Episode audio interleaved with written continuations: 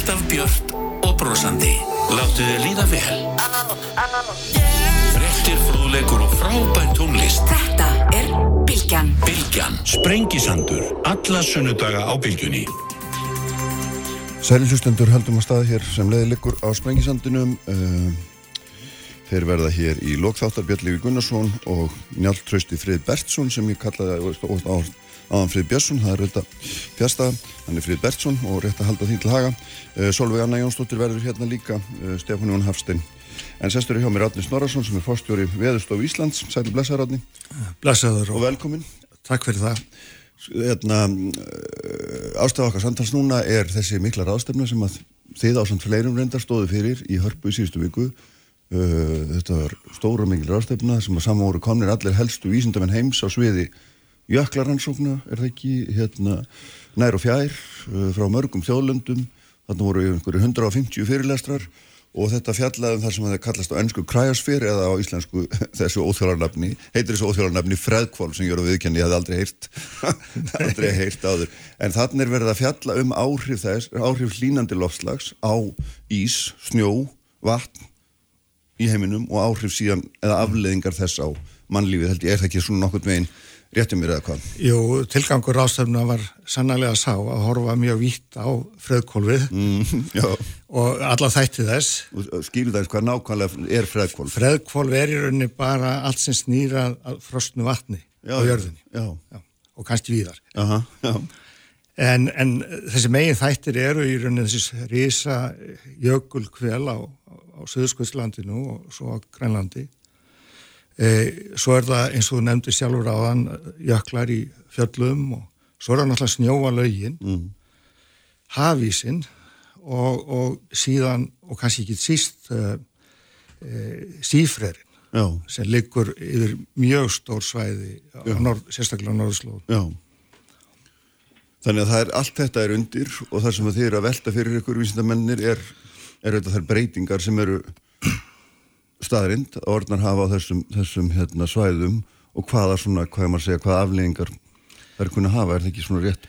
Jú, í raunum að segja það að fyrsti tilgangurum var bara að fá mjög gott yfirlit yfir hvað við stöndum með þekkingu á þessum svæðum og það var alveg mjög skýrt frá öllum þessum sérfræðingum og öllum þessum mögulegu sviðum að freðkólfið er að, að er að nigna mm. og hefur verið að, það hefur verið að nigna í marga áratíð Sumstaðar endar lengur en það en síðan vorum við líka að horfa til þess hver er líklega þróunin á, á þessum mismunandi þáttum þess Já, inn í framtíðina. En svona fyrir bara, þegar maður er svona bara hérna vennilega borgari og heyri talað um freðkólf og bráðnandi jökla og svona þá hugsaðum við sér og, og hvað? hvað? Hvað þýðir þetta? Hvað þýðir þetta ef allir þessu jöklar eru að bráðna og mm og, og hérna jökulbreiðan mingar og bæði Súskvöldlendun og Grænland og svo framvegis.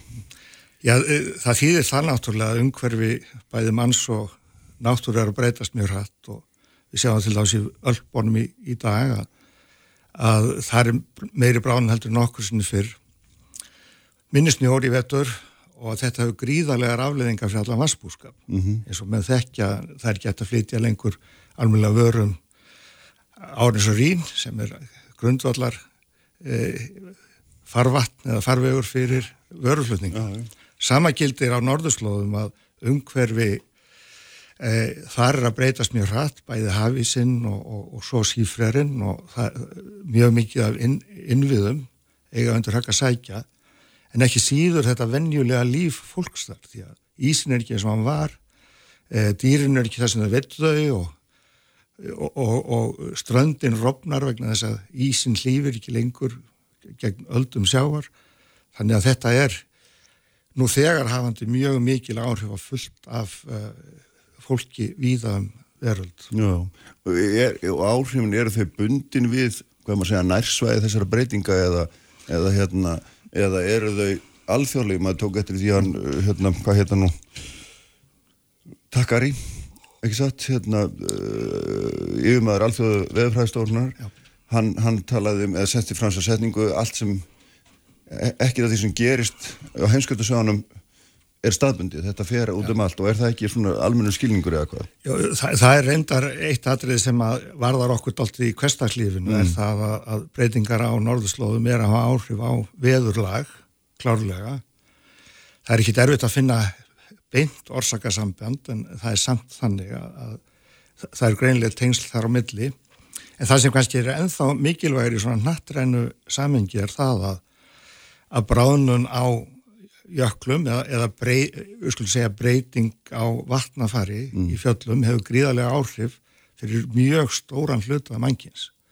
Því allar þessar stóru ár eins og í, í, í mið-Asju og miklu víðar í Evrópu og auðvitað í Kaliforni þar sem miklu þurkar eru vegna þess að þar voru snjólaugin ekki til staðar. Þannig að það er gríðarlega áhrif þó að breytingarna sé að gerast á frekar kannski staðbundnum staðbundnum uh, svæðum á, mm -hmm. á mhm. jörðinni. En svo er annað sem er sérstaklega til lengri tíma en þó er farið af áhrif og það eru breytingar á sjáarstöðu sem er aflegging þess bæði vegna þess að sjórin hittnar og þennst út en líka vegna þess að ís er að brána uh, allstaðar í jörðinni. Frósið vatn breytist í úrfrosnu í, í hérna, ófrosið og, og flæðir Já. til okkar og, og þar alveg endi hækkar sjáarstöðan Já. og það hefur í förmið sér ógnir fyrir sjáarbyðir e, Það gerir það og, og, og bæðið til skemmri en, en sérstaklega til lengri tíma og er, er alveg Erum við, erum við eitthvað farin að kortleggja þetta svona einhverju alvöru hérna í okkar sem að snúi sér nú bara sínum eigin nafla? Jú, við höfum sannlega, sannlega gert það og við höfum skoðað þetta í tengslum við rannsóknur okkar á áhrifum láslæsbyttinga og e, það, það er engin launung að þetta er mjög flókið viðfánsefni að átta sig á framtíðastöðunni því það ræðist mjög af því hvernig söður e, skauti bránar og hvenar mm -hmm. og eins með Grænland hvenar það bránar en e, það er sannlega búið eða miklu mikill orku í átta sig á því hverja staðbundna breytingar verða á Íslandi og, og það, það hefur verið byrt í vístasíslum En uh, þetta er mjög mikil áskorun fyrir samfélagi eins og Ísland þar sem við búum meira og minna á strandinni mm. og þarna eru í rauninu okkar stæstu fjárfestingar. Og þarna verður við náttúrulega að horfa til langs tíma því að ég bara rifja það upp að Reykjavíkuborg er meirinn tveggja alltaf gömul og, og við þurfum auðvitað að hugsa um þetta inn í framtíðina. Já, og byggð, byggð minnstu þessi setni tíð mjög mikið auðfyllingum sem vantarlega er það, er það svæði sem eru svona eru viðkvæmust. Já og það, það er í rauninni þannig að besta tæki til þess að stýra í rauninni áhættuninni framtíðina er að skipuleikja byggð og, og okkar innviði með tilliti til þess. Nákvæmlega, hvað hva, hva þýðir þetta að skipuleikja byggð? Erum við, er, er, sagt, erum við að fara að óska eftir því að byggð verið færð frá ströndum í næstu 50 árum eða ég veit ekki hvað, ég kann ekki nefna tímaskálarinn en veist, er, er, er það afleiðingarnar sem við erum kannski hugsanlega að, að fara fást við? Sumar þjóður þurfa að glýpa klárlega, já, já. og hafa þegar unnið með það að þær þurfa að flytja sig. En í okkar tilfelli snýst þetta fyrst og fremst um það nýjir innviðir, nýjar fjárfestingar, mm -hmm. að það sé tekið tillit þess hvað við höldum að muni gerast inn í framtíðinni. Mm -hmm. Þegar það kemur að því að verja það sem er, þá þekkjum við það náttúrulega snjóflóðanum að það hafi verið byggt á svæðum sem voru bæðið þekkt snjóflóðasvæði og, og hættuleg og þar höfum við einfallega eftir á orðið að verja bygg sem er mjög kostnæðasamt mm. og auðvitað líka kaupa upp hús sem voru á svæðum sem voru talin algjörlega á ósættilegum svæðum þannig að kostnæður við að bregðast við í gegnum skiplag og kostnarinn við að bregðast við útblæstirnum. Mm. Það er lang ódýrasta leðininn framtíðana, lang eh, áhættu minnst og, og skipulagið er mjög gott tól til þess að passa upp á það mm. Að við búum okkur undir breytta framtíð. En til þess að þetta virki þá verður við náttúrulega fyrstlega að vera að sammála um hver áhrifin verða og í öðru lagi hvað við viljum hérna, hvað við viljum stýra fólki, er það ekki? Jú, auðvitað er það Þa, þannig í skipulagi að það, það er alltaf verið að leggja ákveðnar uh, grunnreglur um samfélagið. Hvað var þar áhrifin? Það, þau eru alveg skýr. Þau eru alveg skýr. Já, við erum löngu komin út úr því tíma að, að veltaði fyrir hvað, hvað muni gerast, mm -hmm. hlutinni er að gerast um allan heim, Já. í öllum þáttum freðkólsins. Og auðvitað lesmaður og, og hérna svo uh, margar greinar á hverju ári um bráðnun jökla og bæði hér hjá okkur auðvitað og hérna mm -hmm.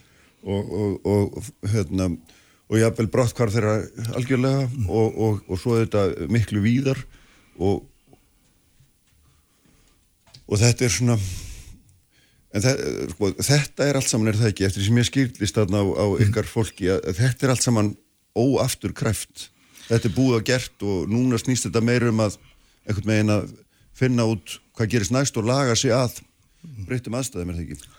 Já, það er alveg klart mála að, að, að við, höfum haft þannig eingripp að, að við munum sjá afleðingar þegar næstu ekki bara hundra heldur kannski einhver hundra ár. Mm. Mörg að þessum kerfum eru komin á það stað að það verður ekki aftur snúið og þá kannski sérstaklega við um uh, smájökla viða um heim eh, og þá náttúrulega líka við um það að sjáaborð mun halda áfram að hekka inn í framtíðina þó við næðum fullkomnum árangri mm. eh, óvið snúanlegt er alltaf erfitt hugdags því þú verður eiginlega hugsa um tímaskalan Já. en miða við svona venjulegan tímaskala í, í kringum okkar samfélag þá erum við sannarlega komin þanga mm. Er uh, alveg ótvírætt að þessar miklu breytingar sem þú ert að lýsa þær séu tengdar hlýlandi lofslægi eða, þessum, eða er eitthvað þessu náttúruleg sveibla? Sko í öllum þessum nútíma líkunum sem líkja eftir lofslæginu mm. og það eru náttúrulega orðið gríðarlega þróun núna síðust ára til þá er tekið og reynd að taka tillit til allra þeirra eðlistáttar sem við vitum eru breytilegir inn í framtíðina en e, þegar menn reyna að útskýra þá breytingu sem að hefur orðið mm.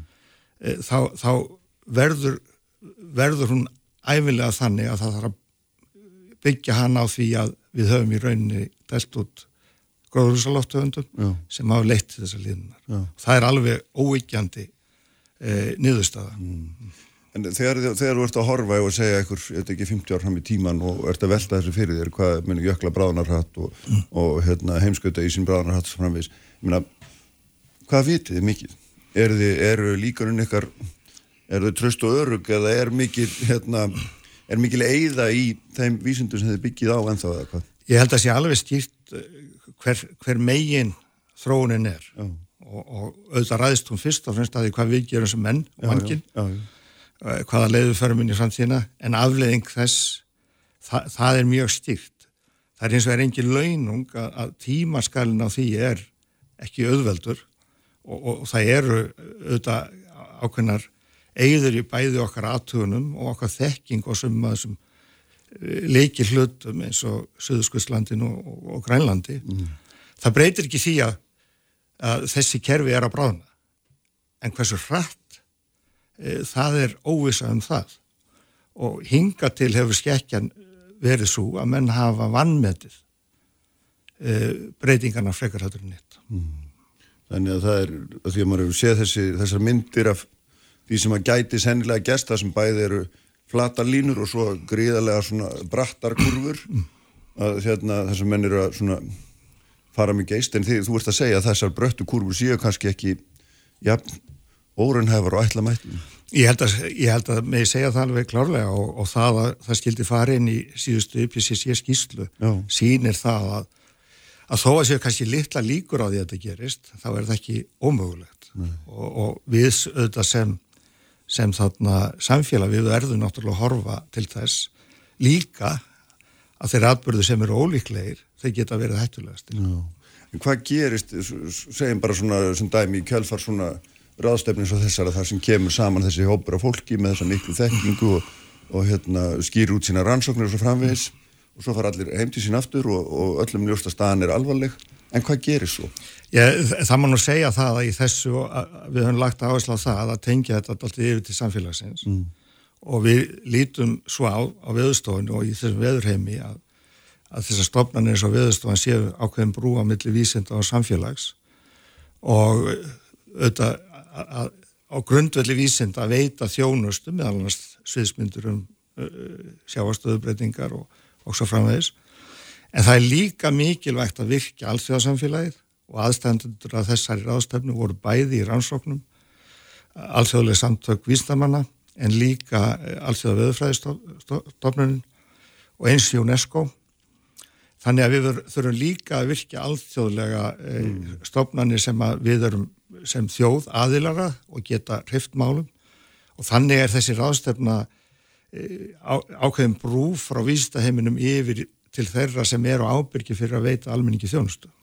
Og, og síðan á endanum náttúrulega þarf þetta að fara fyrir einhvers konar yfirvöld hvaða nefni sem þau nefnast ekki satt? Ég minna án þeirra verður lítið aðhafst Nei, það, það er nákvæmlega þannig að við erum í rauninu bara að gefa sem bestar forsendur til þess að menn geti tekið sem skinsanlegastar og áhættu minnstar ákvarðaninn í framtíðina og auðvitað er það er pólitíska vald sem gerir það.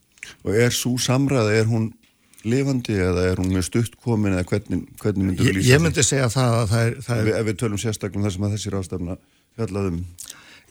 Hér á Íslandi þá erum við mjög meðvituð um þessar áskorunum sem lasa við bæði í kringum breytt vatnafar og í kringu sjáastöðubreytingar og mér finnst svona hafi orðið í rauninni eðlisbreyting á samtalenu innan eh, stjórnkerfisins um loslasmálinn og þetta sést það í nýskipan eh, stjórnaráðsins núna mennir ríkistjórn og, og það er líka talað um það að skipa stofnunum ríkisins þannig að það eigi betur, betri tök á því að svara þessum áskorunum. Já. og það er náttúrulega hefur rauninni ekki verið að setja borðið fyrir en kannski nú að þarna þarf virkilega að hafa áherslunum í lagi mm. og forgámsröðunum í lagi.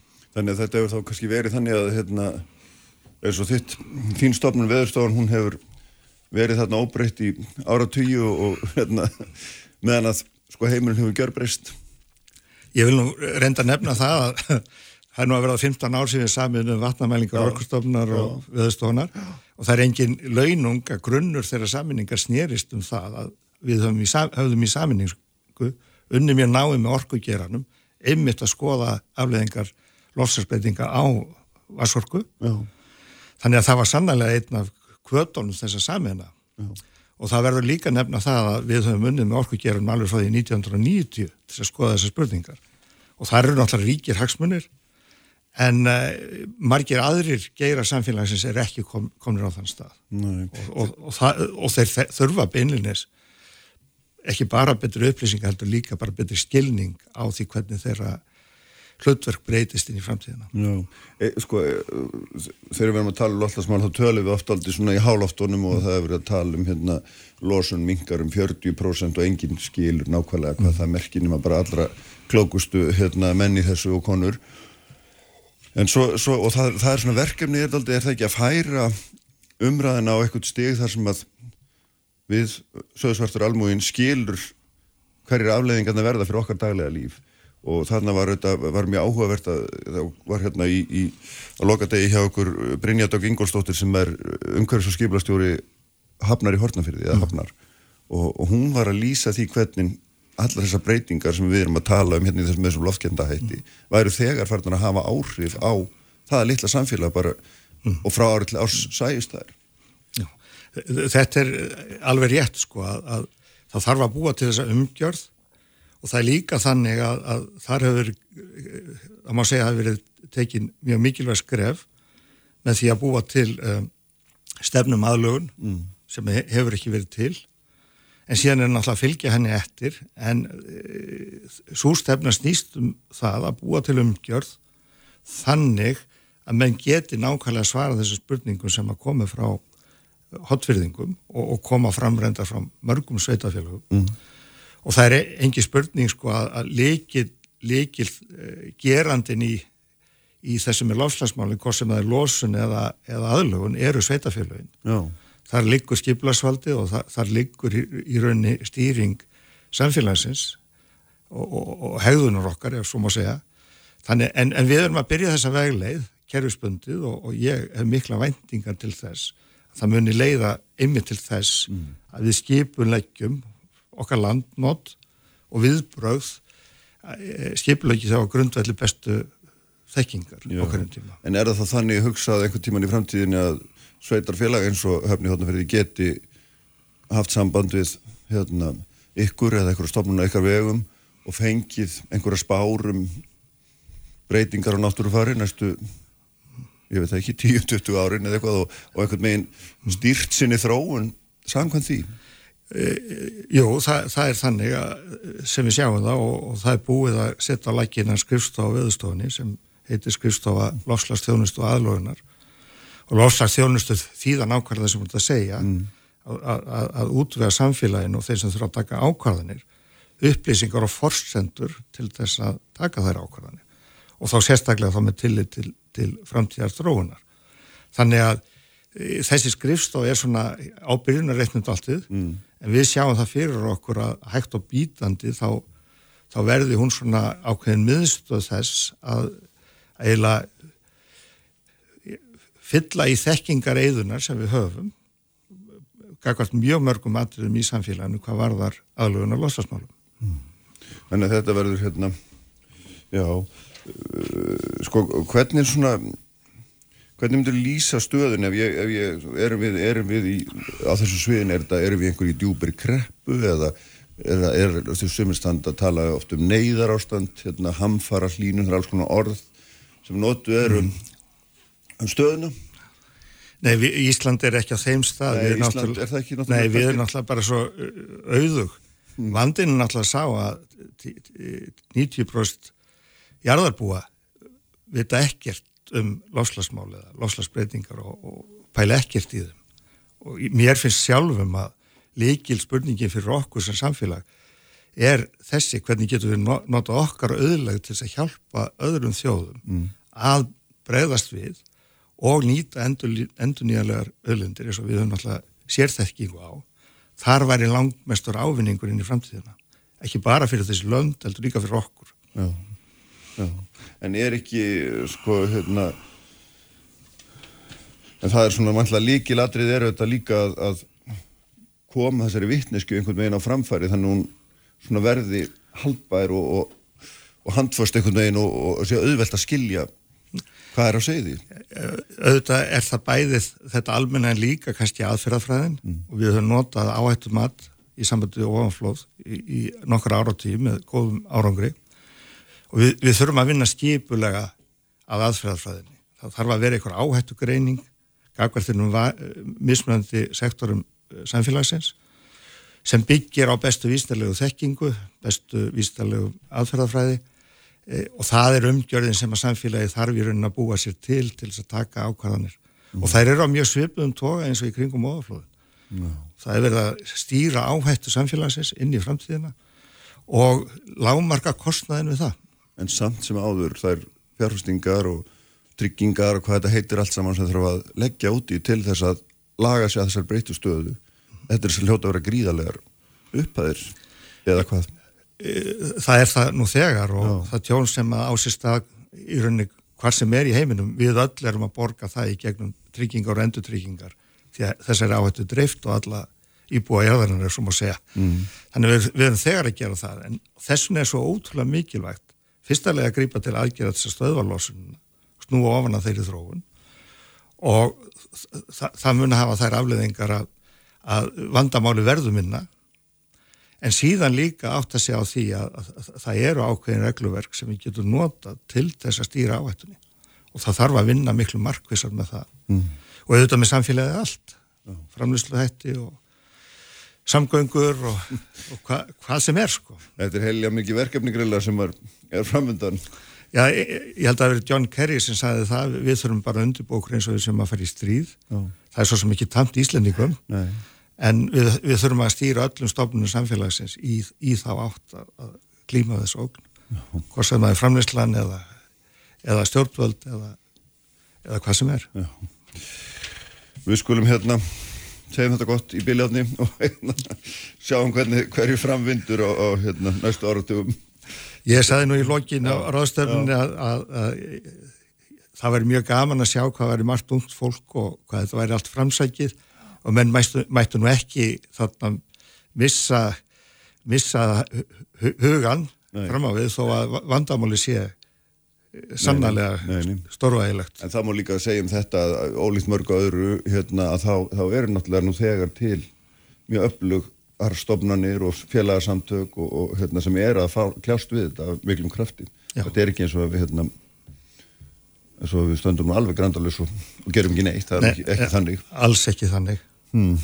Herri, takk fyrir að koma átni og hérna Heru, Takk fyrir mig Stefán Jón Hafsten verður hérna hjá mér eftir augnablík svo kemur Solveig Anna Jónsdóttur þeirra verða hér í lok þáttar Björn Levi Gunnarsson og Njálf Trausti Fribertsson Sprengisandur, alla sunnudaga á bylgjunni Sprengisandur, alla sunnudaga á bylgjunni. Uh, Sælri aftur fyrir aftur, Snorarsson fórstur að viðstofanum farin frá mér, uh, Björn Levi og Njálf Trausti verða hér í lok þáttarfjöldum þá um Reykjavíkuflugvöld Solveig Anna Jónsdóttir verður hérna líka um 11 leitið en hinga komum góðu gestur sem er Stefán Jón Harstein Sælur blessaður, já hvað tillaði er íttönd í dag? Það er, það er það ekki ágættist bara titill í þessu sammingi? Jú, jú, það er fýtt titill í þessu sammingi Já, við ætlum að spjalla um nýja bók sem, bara, sem er bara heit úr pressmiðinni, heitir heimurinn eins og hann er. Hvorki meirinu minna, það er ekki lítið í lagst að líta, lítið í lagt að hérna, lýsa heiminum eins og hann er. Ég, ég ákvað bara að vera grófur á því. En, en á fyrstu texta sem segir endar ólík sjónarhóttn eru mjög mikilvæg. Já, já, þannig að ég dreg aðeins út já, en þetta er svona hérna kannski aðeins ég veit ekki aðeins öðruvís en maður allavega ég, svona, ég held að þú væri að fara að skrifa einhverjum svona dokumentasjón þegar ég fekk bókina Já. en þetta er mjög svona persónleg saga í gegnum tilturlangan tíma með ymsum atbyrðum eða svona heimurinn er kannski meira í í baksín Já, en sko það sem að erindið er, er mjög brínt Já. og það er mjög, í raun og veru erfitt að, að, að koma því á framfæri í, með þeirra aðferð sem við homo sapiensar hefur tilenga okkur mm. sem er að skilja heiminni gegnum sögur þannig að, að sko e, loslasváðum því voru að tala um hana hérna á hann, það er ja. eitt þátturinn, það er bara eitt af viðfáðsveitnunum síðan kemur árásin á lífið eins og ég er lífkerfin, visskerfin það er hrun visskerfana sem hefur staðið undarfartna áratví mm. á Jærðaríki og þetta altæka vald tegundarinnar homo sapiens sem er nú orðið gjörsamt á jörðinni og í þriðjarlagi það sem er stendur mér mjög næri er sko algjörlega ósjálfbær matvælakerfi heimsins Já. sem eru ganga mjög eru mjög ágenga hvert náttúruöðlundum en skaffa mannkinn ekki góða helsu eða næringu mm -hmm. þriðjungi af þeim mat sem við framleiðum er hent eða sóað og að tengja þetta saman í eina frásögn eh, er ekkit auðvelt sko ef þú ætlar ekki bara sturt á vörubílnum yfir lesandan og kæfan í staðrændum og vissinni. þannig að ég einsetti mér að, að reyna að segja, setja þessa hlut í samhengi, mm. hvernig við annan og innbyrðis og síðan auðvitað hefur pólitíska úrræðarleysi sem ég til að blasi við. Já.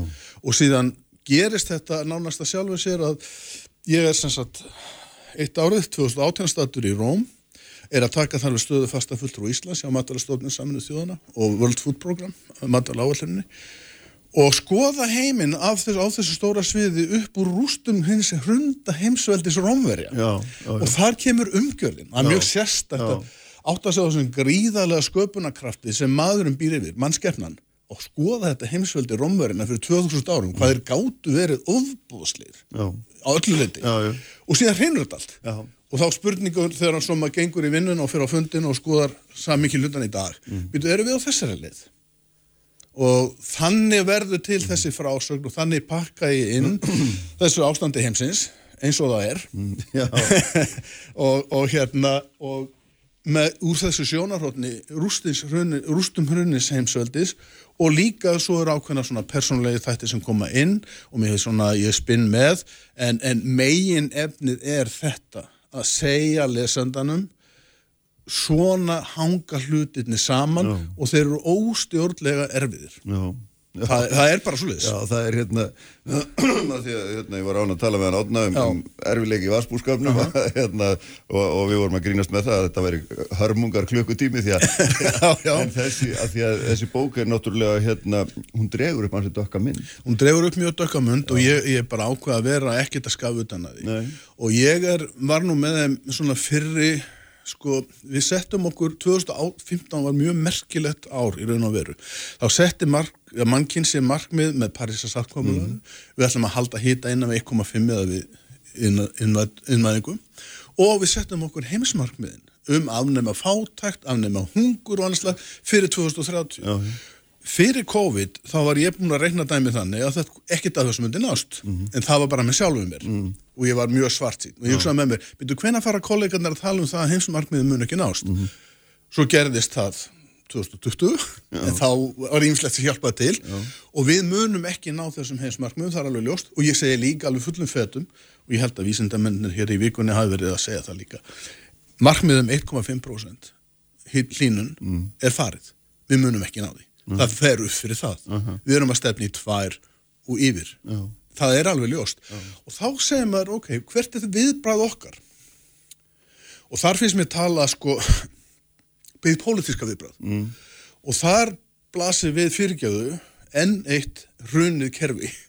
Það er að segja viðbræð heimsins heimsbyðarinnar, eitt pólitíska viðbræð ræður ekki við hennar vanda. Þessi kerfi okkar sem við byggum til fyrir 200 árum og heimsbyggi hafræðinar og heimsbyggin og stjórn, stjórnviskan. Mm -hmm. þessi kerfi þau ráða ekki við þennan vanda sem er mjög illskettur í dag. Við höfum aldrei staðið frammi fyrir neinu þessu líku.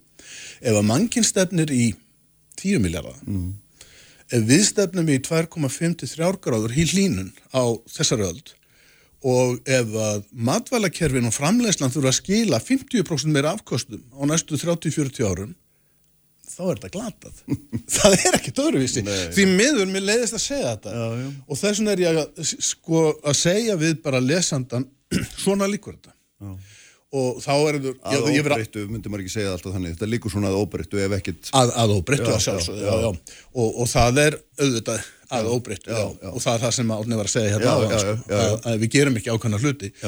Og, og uh, svo getur við verið mismunandi svartsun og bjart sína á það hvernig okkur tekst til. Mm og uh, en mér finnst mjög mikilvægt og það er svona leiðarstef í bókinni svo tekur eftir sko allt tengist. Og það er komið frá Leonardo da Vinci.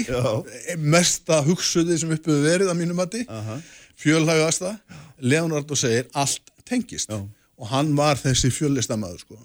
Og þeir koma þarna á kunnu tímapunkti sem sín okkur hvað mannskeppnan er ótrúlega öflug skapand og frjó og það er viss bjart síni í því sko. að segja Michelangelo og Leonardo endurreysna menninir á Íþalju sem koma þúsund áram eftir hrun Rómaveldis og búa til alveg splungun í að verald já, já. með svo ótrúlega fögur.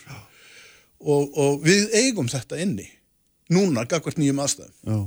Þannig að það er líka bóðskapur því.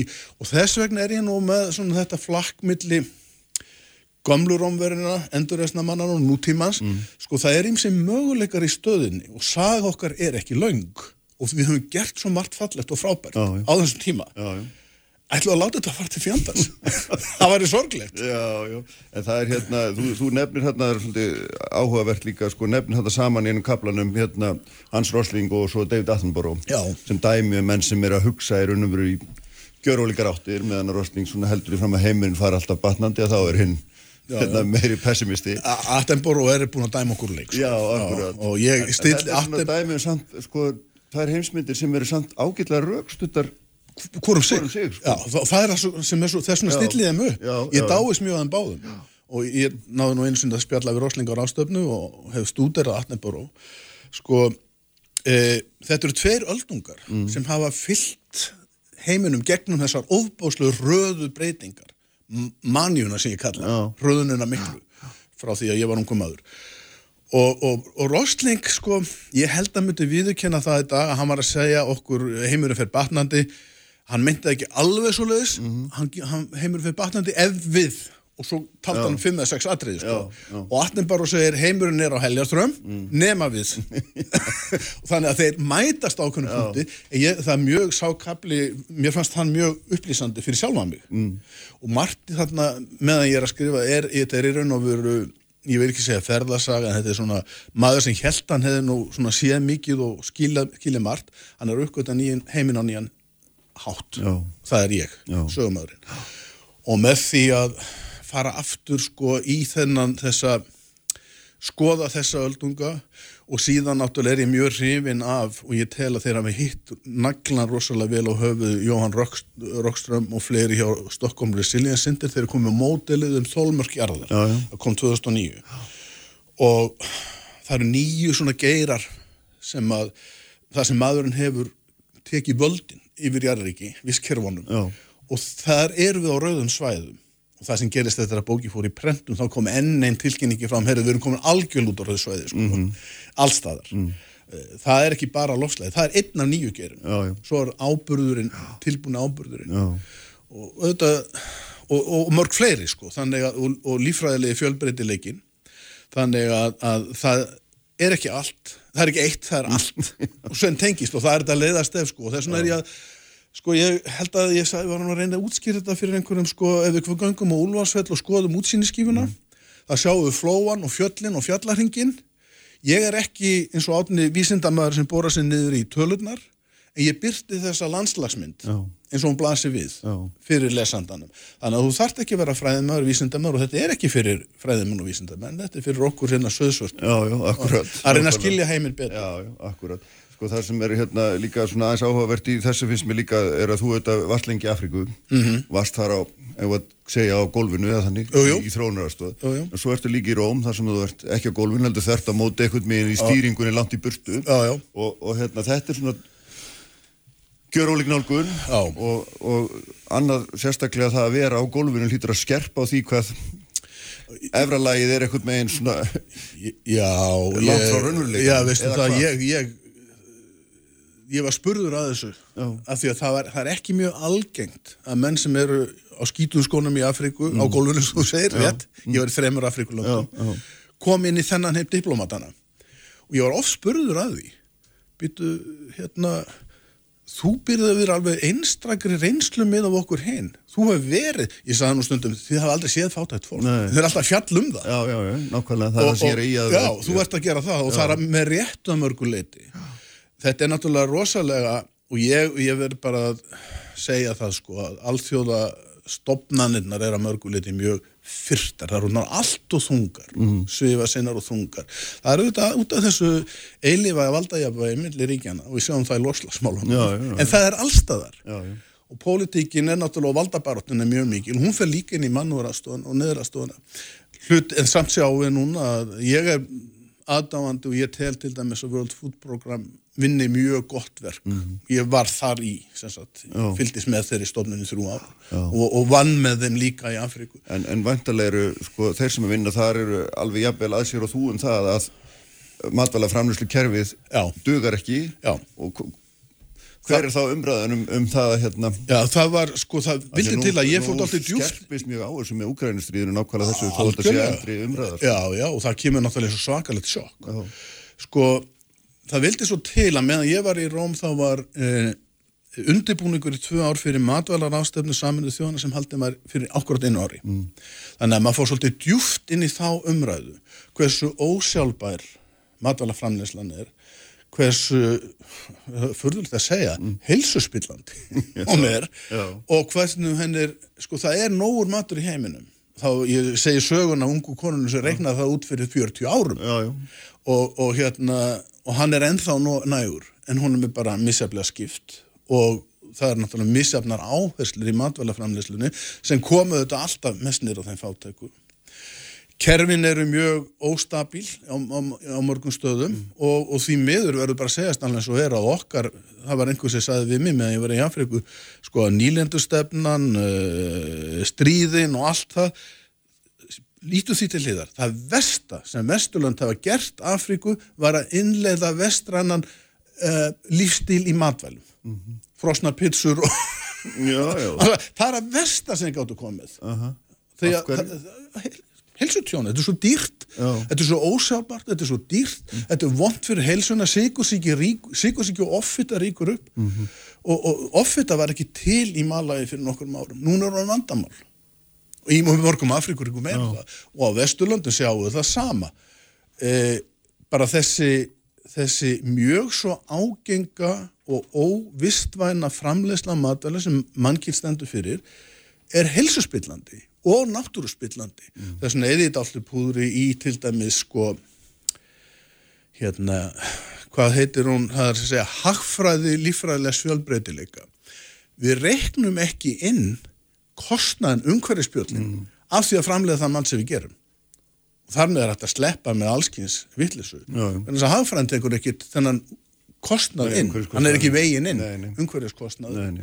og, og þannig að, að sko, að mörgu leiti eru þessi gömlu fræði segi bara stjórnmálafræðin og hagfræðin komin í þrótt ráðum ekki í vandamálin og gömlu stofnarinnar eru konar í þrótt og þar með kallar ástand heimsins eins og það er á algjörlega nýja nálgun. En ég er ekki saman maður sem ekki verður með lausnir. Það er, en þessi nýja nálgun er þeimur meira áriðandi og ég held að Attenborough og Johan Rockström hafi algjörlega rétt fyrir sér, það er núna. Mm. Og ég held nú átni hafi verið að segja það við talum hérna á það er núna sem við þurfum að gera þetta.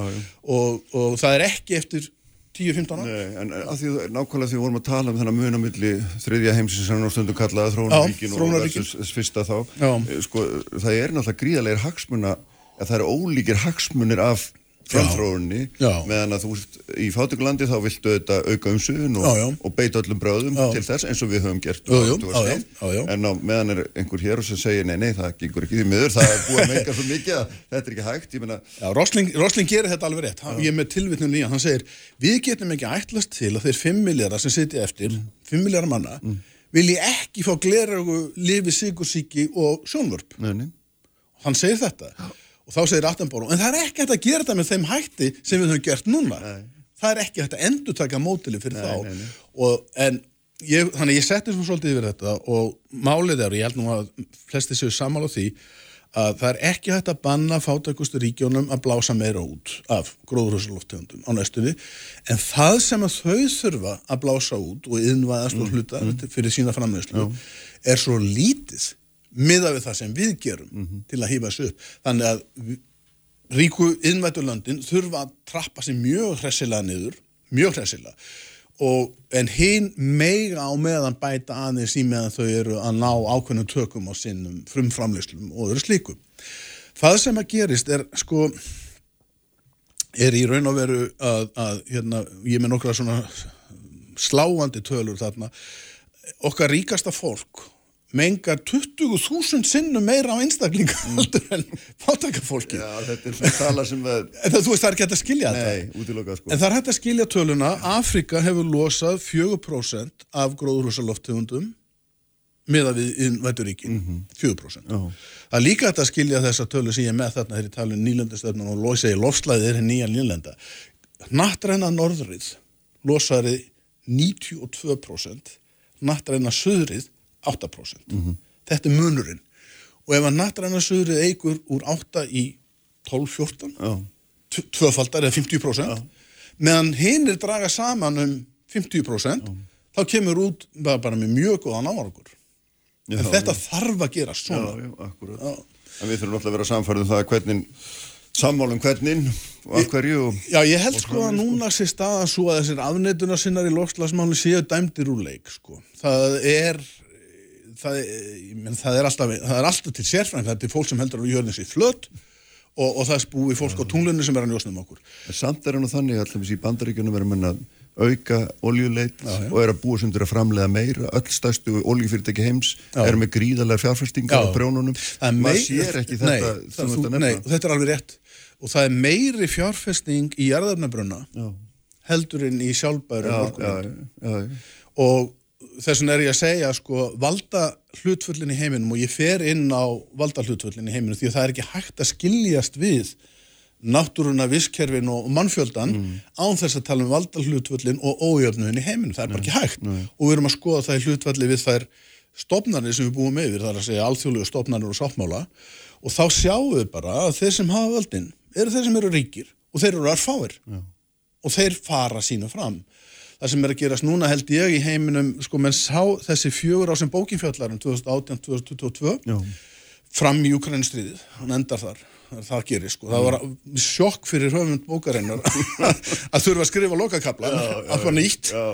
og, og hérna en, en sko það er stöðutaka stórveldana gagvart þessum veruleika núna í dag. Svona e, rússar eru að taka stöðu gagvart orku flutningum og öðlindum í Ukrænu og Rúslandi Kínverjar sömulegis eru mjög hugsa yfir ástandinu og þurfa að taka sér stöðu gagvart vestuveldunum og vestuveldin eru náttúrulega, ég meina það er alveg sama hvað við segjum, við erum að halda við ætlum að halda áfram að blása út og auka útblástur, það er það sem er í gangi. Já. Já. Þrátt fyrir allt sem sagt er þá, þá, Já. þá er það ekki raunveruleiki. Þannig að, að sko, ég, ég, ég verði örgulega einhver með skrifa og segja, herru, þetta er nú meiri dómstagsbánar hjá þessu Stefáni og hvað veit hann? Við höfum að trúa mannkinnið. Það er mjög augljóst í minni bók, Já. að ég trúa mannkinn og styrk Já, já. mannsandans til að skapa og endurskapa.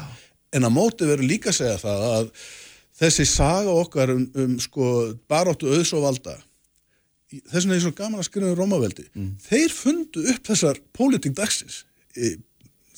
Það var sko sátt, hugmyndin um samfélagssáttmála er frá Róm. Þegar eh, íbúar Rómar plebejarnir sögðu, heyrðu, við erum hættir þið patriarkarnir sem ætlaði skattpínu okkur að senda í stríð, við förum á borginni. Og þeir fóru, skildan eftir. Það var engin eftir til aðræna. Patriarkarnir verður að fara til Greiklands finna upp nýja hugmynda samfélagssáttmála sem þau koma með og skrifuðu töfluna 12 frægust að merkasta framlega þeirra nútíma stjórnmála og við erum alltaf stjórnarskrá bandaríkjana sem er flottasta stjórnarskráin. Og við sjáum nú hvernig pólitíkin í bandaríkjana já, hvað, hvað sem liður flottri stjórnarskrá? Og síðan þessi nýji sáttmáli samfélagssáttmáli heimsins sem eru heimsmarkmiðin og Parísasáttmáli það eru nýji samfélagssáttmáli á heimsmæli hverða það er alltaf au, auðurinn og völdin eru alltaf reyna að grafa undan kröfum allsýðunar því ég sé að solvu annar ganginni. Þannig að, að sko þessi átökur endalast, þau eru búin að standa í 2500 ár og halda áfram. Já. og, og þess vegna fannst mér ég verða að setja pólitíska samhengið inn í þessa umræðu um umhverjasmálin fæðumvandamálin og allt það og þróunar samfununa vegna þess einfallega þetta hangir allt saman, allt tengist eins og Leonardo saði svo eftirminnilega. Já. Herðin, þetta er hérna, verið frábæri yfirferð, Stefán Jón. Takk einnig fyrir að koma og hérna, og deila þessu með okkur. Sko, Og það er full mikið satt að segja mín var ánægð en þetta þarf að komast út Já, já, og bókina vantlega þetta að finna bara í bókabúðum. Öllum betri bókabúðum. Já, öllum betri bókabúðum er sagt er. Herði, takk einnilega. Ok. Og hérna, þeir verða hér í lokþáttar, Björn Levi Gunnarsson, Njáln Trausti Fribertsson, Björnum þá Reykjavík og flugvellin, Solveig Anna, Jónsdóttir verið hérna eftir augnablik. Sprengisandur. Á bylgjunni Frettir þjóðmál og pólitík. Sprengisandur á bylgjunni.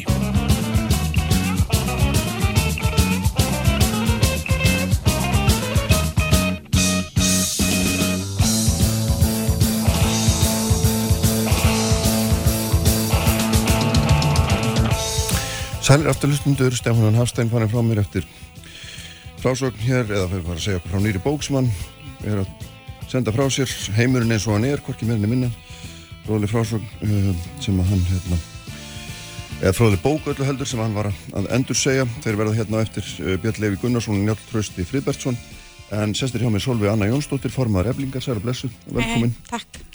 Uh, þú ert hérna tildurann íbúin að ljúka miklum greinaflokki sem þú byrtir á vef kjarnans. Uh, sem er svona uh, yfirskriftin var kreppa verkefælisreiningarinnar, hvorki mérni minna. Og þarna þetta er svona mjög auðvitað uh, ítarlega greinagerð og ég, ég, hérna, held ég að orðan að ég mann nú ekki eftir því að að nokkuð mannski hafi farið jafn svona grundíkt onni í þessi mál með þessum hætti áður, allaveg ekki en það er svona minni minister nú kannski ekki að best í bænum.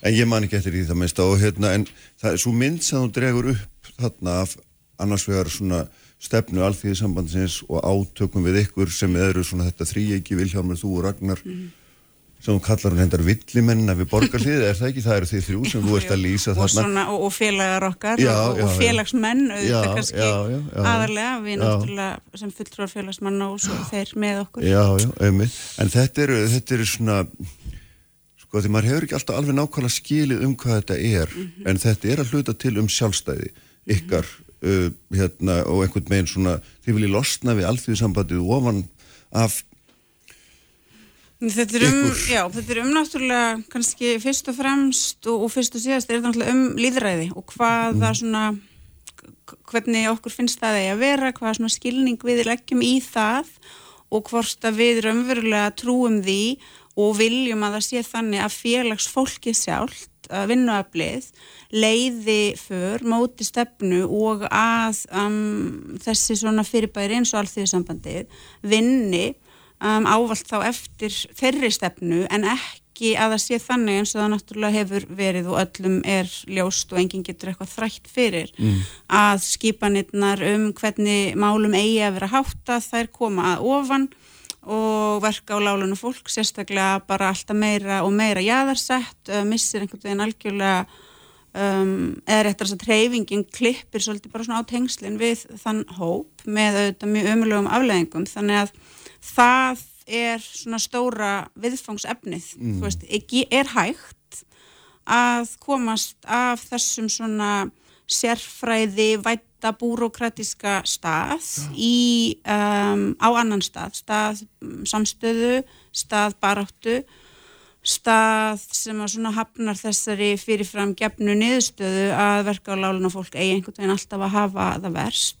Ég og félagin minn er trúum því að það sé hægt mm. um, og höfum eitt núna augljóslega miklum tíma, mikil orku í að reyna svona að íta okkur öllum þangað. Já, en þetta er einhvern veginn svona, í þínum sko, skrifum þá er þetta þannig að það sé, það er eins og alþjóð saman að það hefur verið herrtekið innanfrá af hópi svona uh, sérfræði, sérfræðinga, hvað er það bara það, mentafólks mm. sem hefur einhvern veginn svona uh, síðan kjörið sjálft sem er að minna til einhverja áhrifa og, og hérna, en svo veldi maður fyrir sínum leð og segir þetta auðvitað, sko, alþjóð sambandi er náttúrulega ekkit annað en félögin sem að þar eru, ég meina þið, þið sitið allt þar innan dyrra mjög smikið auðvitað en, en í heilsinni er það þannig Já, já, og við náttúrulega erum með um, líðræðislegt uh, umbúð okkar uh, félaga, sérstaklega náttúrulega uh, við okkar sem höfum farið í gegnum kostningar og höfum unnið sigur á, á, á þeim vettfangi með því að notast við þær almennt samfélagslega viðkynda aðferðir. Mm.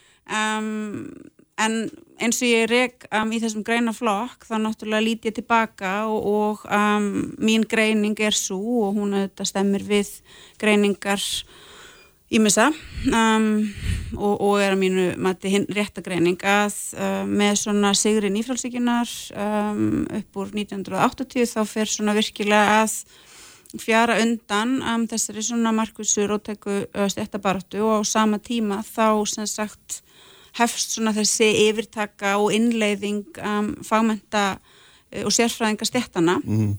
um, og hér á Íslandi þá sérstaklega fer þetta að gerast með svona mjög kröftu um hætti eftir 1990 Um, uh, eftir þjóðarsáttarsamlingarna sem að hérna, menn hafa alltaf talað menn og konur hafa talað mjög fallega um og talað gríðarlega mikilvæga en þú gefur ekkert sérstaklega mikið fyrir. Nei, í, í, í greinaflokknum þá vísa ég til dæmis í, í gögn frá Stefánu Ólássoni sem að sínir er mitt uh, fram á það kaupmáttur fólks hann jógst meira fyrir þá heldur hann og eftir og þetta stóri vandin við þjóðarsáttarsamlingarna og um, sem að hefði þá einmitt og, og sem er svona eina af ástæðinu fyrir því að við þetta um, höfum hafnað til þessu saleg mótili alfarið er að þarna er innleitt og verður til svona hugmyndafræðilegt mótel þar sem að um, svo myndir einhvern veginn sett upp að það sé hægt að ná einhverjum svona stöðuleika næstum til einhverjum svona útópískum stöðuleika um, af því að allir ætli einhvern veginn að hjálpast að að svona passa upp á hófsendina og svo framvegs en það sem að er svo auglúst um, öllum er að þessu svona þröngvað upp á um, stjættvinnandi fólks á meðan augljóslega stjórar samfélagsins um, virða þetta með engum hætti ójöfnur ekst og svo framvegis. Um, þannig að já, þetta gerist og ég menna við horfum til dæmis á eblingu sem er þetta risa stóra félag sett saman úr sex félagum verður þarna til í kringum um, síðust aldamót lokar sig svo þarna inn í þessu skrifstofu virki í guðrunatúninu mm. um, algjörlega bara lóku bók fyrir okkur sem að um, tilhörum þessu félagi og greiðum til þess um, félagskeldun okkar og svo framvegis um, það hefur emitt, já, bara mjög slæmar aflæðingar fyrir uh, okkur sem að vinnum vinnuna á framlegum hávöxtin heldum umununa kerfunum uppi að vera klift svona algjörlega frá og það er engin viðleikni um, frá félaginu og engin viðleikni raunverulega frá auðvitað, miklu, miklu stærri hóp félaga mm -hmm. innan alþjóðsamtins til þess aðeimitt fá og endur nýja í sífellu þetta umboð sem að þú áttu þetta verið alltaf að sækist eftir því að mm. endur nýja vegna þess að þá getur þú sannarlega gert það sem að félags, félagsmenn vilja að koma til kjærasamnings viðræðina um, með kraftin og með samstöðuna og með því knýja á um raunverulegar kjærabætur. Mm. Þetta gerist ekki og um, hver er hver er svo hérna svona staðan sem dregstu upp Um, lálunakonur um, bara veikjast, fara á öðrorku um, sögum þess að þær um, streyta við svo erfiðar aðstæður og svo bákjör, aðflutt um, vinnuafl algjörlega jæðarsett húsnæðismarkaðurinn tekin afhendur eignastjættinu með skjálfilegum aflægingum fyrir uh, vinnandi fólk og svo mætti lengi telja. Um, ég fullir því að ef að þessi svona hörnun og hnygnun hefði ekki átt sér stað innan um, þessara félag og innan viðbanda alþjóðsamansins þá hefðum við ekki og þá værum við ekki á þeim stað sem, að, mm. sem við vorum komin á En er þetta að því að þú tala líka mikið um stjettir og þú, það er ekki mm. fyrsta skipti sem þú notar það hugtak mm. en þú ert að tala þú, þú ásakar drífa þessum við ætlum ekki að tala persónulega um hana hér -hmm. en þú, átakar, þú ásakar hana meðal annars fyrir of mikla stjættasaminu mm -hmm, og, og, og, hérna, og það er ekki bara að þú sért að svona, uh, hérna, uh, skora atvinnureikundur á holmu mm -hmm. ef, svo má segja heldur eftir mhm. líka að mhm. skora stjættir aðrar innan alþjóðsambandsinn sem þér finnst þá að vera í betri stöðu heldur en þínir umbjöðandur mhm. svolítið á holm líka, ég menna það er augljós ágrinningur og núningur við BHM að þinni hálfu og þeirra hálfu svo setið baka Sannlega það er nú hægt að hérna... já þarna er náttúrulega margt hægt að segja já. og og varðandi BHM þá er það náttúrulega þannig að þar eru náttúrulega stjætta átökin háð gagvart verka á lálunafólki með miklu hatramari hætti heldur en verka á lálunafólk hefur gert gagvart BHM er, er, er, BHM bara beita sér gegn? Já, ég menna þú bara skoðar ekki bara orðræðu Nei. og áróður BHM mm um, heldur getur þú líka skoðað hvað gerist til dæmis í um, kjaralótunum í kringum lífskjarasamningana þar sem að BHM gengur til samninga við ríkið um sem ekki er raunverulega upplýst um niðurstöðuna um eða rétt að setja upplýst með fölskum hætti þar sem að krónutölu hækkanirnar eru einfallega á vissum stað í launutöflunni umreiknaðar í prósunduhækkanir til að tryggja um, hæra launuðu hópum betri, betri niðurstöðu. Um, en ef við horfum á, á, á hérna á alþjóðsambandi og svona stjætta átökinn þar innanborð þá þegar ég kem hérna inn 2018 þá var ég bara of kannski svona næf og bara ekki nógu, hafið bara ekki nógu mikla þekkingu, satt best að segja um svona hvernig dýna mikið verði þarna. Um, en svo áttaði ég mig á því mjög hratt og það er einmitt eitt af dæminum sem ég reyki í greinunum, hvernig svona einmitt raunverulega svona hörðustu stjættáttökin voru svolítið svona þarna inni þegar við vorum að reyna að komast að niðurstöðu um, skattatillögur efnags og skattanemndar alþjóðsamhansins þar sem að ég mætti mikill fyrirstöðu frá hálauna hópunum sem að vildi fara fram með þá kröfu á stjórnvöld að þú veist 300.000 króna lálunakonurnar og hátyggju kallarnir með þú veist kannski 1,3 miljónir væru basically að fá það sama í skattalækkanir um, þetta var, er, þetta var erfið átök mm -hmm. og þarna kannski lærði ég svona mína fyrstu leksi um það að baráttan fyrir um, jöfnuðu og gegn misskiptingu um stundum er hún háð á yfirborðinu með orðum en þegar það kemur að því að móta kröfur og, og virkilega gera það sem gera þarf þá kannski fjara svolítið undan hérna, þeirri hugssjón mm. um, þannig að já um, svo náttúrulega uh, voru ímis fleiri dæmi um, um, um svona þessa nálgun um, fórstu alþjóðsambandsins mm Um, ég upplifði yðurlega og ég kannski reik það ekkert sérstaklega þarna í þessum grænum um, kem svona aðeins inn á það. Ég menn ég upplifði bara mikla jáðarsetningu á mér og, og, og svona baráttumálum eflingar til dæmis þegar við horfum á kvennabaráttuna.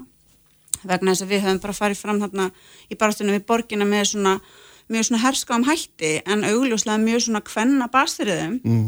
en það einhvern veginn náði ekki að smjúa svona inn í þessar svona feminísku kreðsur um, og til dæmis eitt um, áhugavert og að mínu viti mjög svona upplýsandi dæmi um einmitt þessar miklu tilhundu jæðsetningar er að þegar að fósættisráð þeirra sittur á laginnar sérstakann hóp um hvernastjættir og það einhvern veginn að leira þetta kjör þeirra þá er ég og ebling um, sneikjengin Já. sem er mjög skrítið vegna þess að þarna erum við ný komin eh, út úr mjög árangursríkri baráttu sem snerist emitt um þetta og skilaði árangur eða er þetta hafð kvannastjættana En eh, sko allavega svona ef ég ætti að tólka orðin og draga að þeim álíktanir þá myndi ég segja að þú, þú og þú segja það líka berum orðum en, en minna, þessi heldar samtök mm. sem fulltrúi þá þessara ólíku hópa mm sem eru svo, á, á svo ólíkum stað í lífinu getur við sagt mm en virkar ekki. Það er, er það ekki þín niðurstað? Er, Já, er ég eitthvað að rántúlka? Nei, þetta hefur ekki virkað Nei. og eða réttar að þetta virkar auðvitað fyrir suman, þetta hefur ekki virkað fyrir um, félagsfólk um, eblingar. Nei. Og hvað um, gerir þið þá ef þetta virkar enga? Þetta er bara auðvitað á endanum svona uh, það sem við þurfum auðvitað að velta fyrir okkur með mjög bara svona opnum og heiðalegum hætti um, það verkefni sem að fóra af stað þarna með kjöri Ragnars Þórs og svo kjöri mínu og félaga minna það snýrist auðvitað um það að þú veist, líðræðisvæða um, reyfinguna líðræðisvæða alþjóðsambandið og koma hagsmunum og vilja þessa stóra hóps um, algjörlega að. Það augljóslega tókst ekki.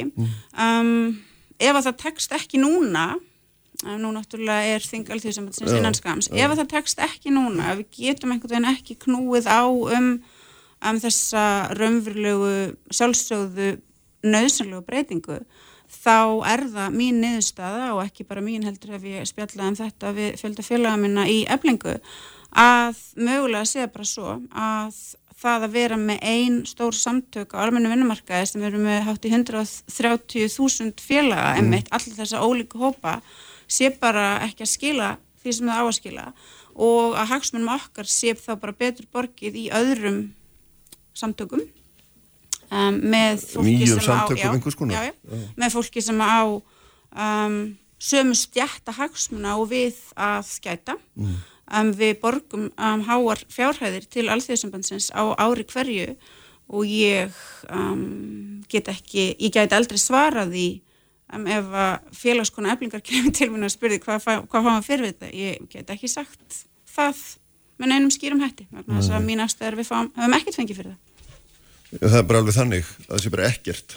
Já, ég meina, já, það er þannig og aftur ég Aftur- fagnaði því sem að þú sagðir hér í upphafi að þú veist allum ekki að fara á okkur svona persónulega nótir. Og ég veit að þegar ég segi þetta þá hljómar þetta einhvern veginn þannig. En ég bara hvet alla sem að hér eru að hlusta að lesa þessar fjóra greinar og virkilega taka bara tíman sé áhugin fyrir hendi mitt að komast burt frá þessum svona einhverjum sleggjudómum um hérna persónulega bresti og galla um, setja sig inn í þetta og sjá bara öll þessi dæmi sem ég reg með mjög skilmerkilegum hætti og horfast bara einmitt í augu við að þetta er ekki þetta er ekki bara í mínum hugar heima því ég sé alltaf að leita vandræðum heldur er þetta raunverulegt vandamál sem þarf að takast á við um, og ekki bara þarf heldur ber okkur skilda til þess að gera það Mm. En svo, nú er þetta náttúrulega þannig að, að alþjóðsambandi gerir þetta ekki samninga fyrir eblingu, því gerir þá þetta sjálf. Já. Ekki satt? Og, hérna, og, og þess vegna svona, ég meina, hafið ekki fullt frelsi í raun og veru innan þessa ramma til þess að leggja fram eitthvað kröfugerð og ná fram því sem að þið gerði eins og þið gerði náttúrulega bara til dæmis Já, eftir að en, frækt bara í þetta er Reykjavík. einmitt bara ótrúlega mikilvægur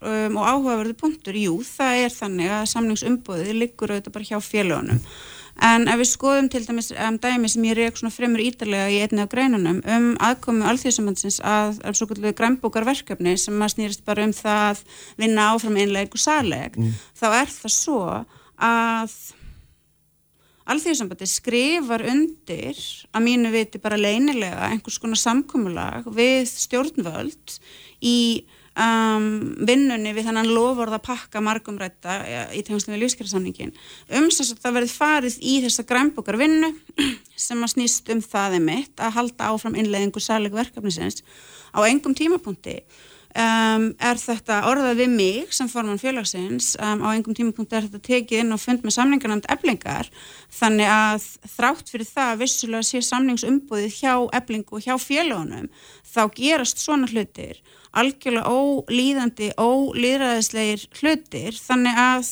um, já, við getum samið um krónur og öyra en, en um, ef að það er þannig að á meðan er verið að semja um einhverja aðra hluti þvert á vilja okkar þá er náttúrulega augljóst að um, það er raunverulegur vandi fyrir höndum. En fyrir og þetta það ekki þýðir allt í ekki að gegnum einhverja segja miðstjórn og eitthvað þess áttur áður, ég minna allir, úst, nei, nei, það, gerir það ekki. Það gerir það ekki. Nei, ekki í þessu tilfelli, nei. Ég meina summál koma vissulega inn á miðstjórn en svo get ég þá líka sagt það og, og það svo sem líka ætti að koma fram með svona nokkuð skýrum hætti þessum greinaflokki að ég meina oft eru náttúrulega bara stóra átökin hafa verið inn á miðstjórnum fundunum og ég hef ofta mitt verið að reyna að nota þá til þess að fá fram upplýsingar og fleira og það hefur bara yðurlega ekki gengið neitt sérstaklega vel. Um, en aftur bara svo ég segi það enn eina ferðina við erum þarna að fjalla um að mínu viti og ég reyk það líka þetta er kerfislegur vandi, þetta er ekki vandi sem er engungu bundin við þú veist, alþjóðsambandi, þetta er vandi sem að er víðar mm. Um, búrokrasja bara fæðir náttúrulega alltaf af sér meiri búrokrasju og búrokrasja taki hún yfir þá er hún bara í eðlisinu auðvitað ólýðræðisleg og fer að vinna svona fyrir sjálfa segja svona sjálfsnærandi fyrirbæri. Um, og svo auðvitað er um, þessi kerfislægi vandi sem við stöndum fram með fyrir líka bara bundin stöðu verka og lána fólks á Vesturlöndum sem hafa ekki lengur eða hafa ekki haft veist, stjórnmálaflokkar sem að berjast konkrétt fyrir þeim og hafa haft einhver völd mm. og hafa svo líka einmitt um, orðið fyrir þessari ógefu að baráttu samtökin sem að sett voru á laggirnar af verka og lálunum fólki, vinnandi fólki til þess að hafa þetta pólitíska vægi og geta knúið á um raunverulegar breytingar og barist fyrir raunverulegum hagsmunum þessi, þessi samtök hörna og, og hverfa einhvern veginn inn í skrifstofavirkið mm. og breytast í um, sjálfsnærandi búrokrasi. Hvað, hva, sko, ef að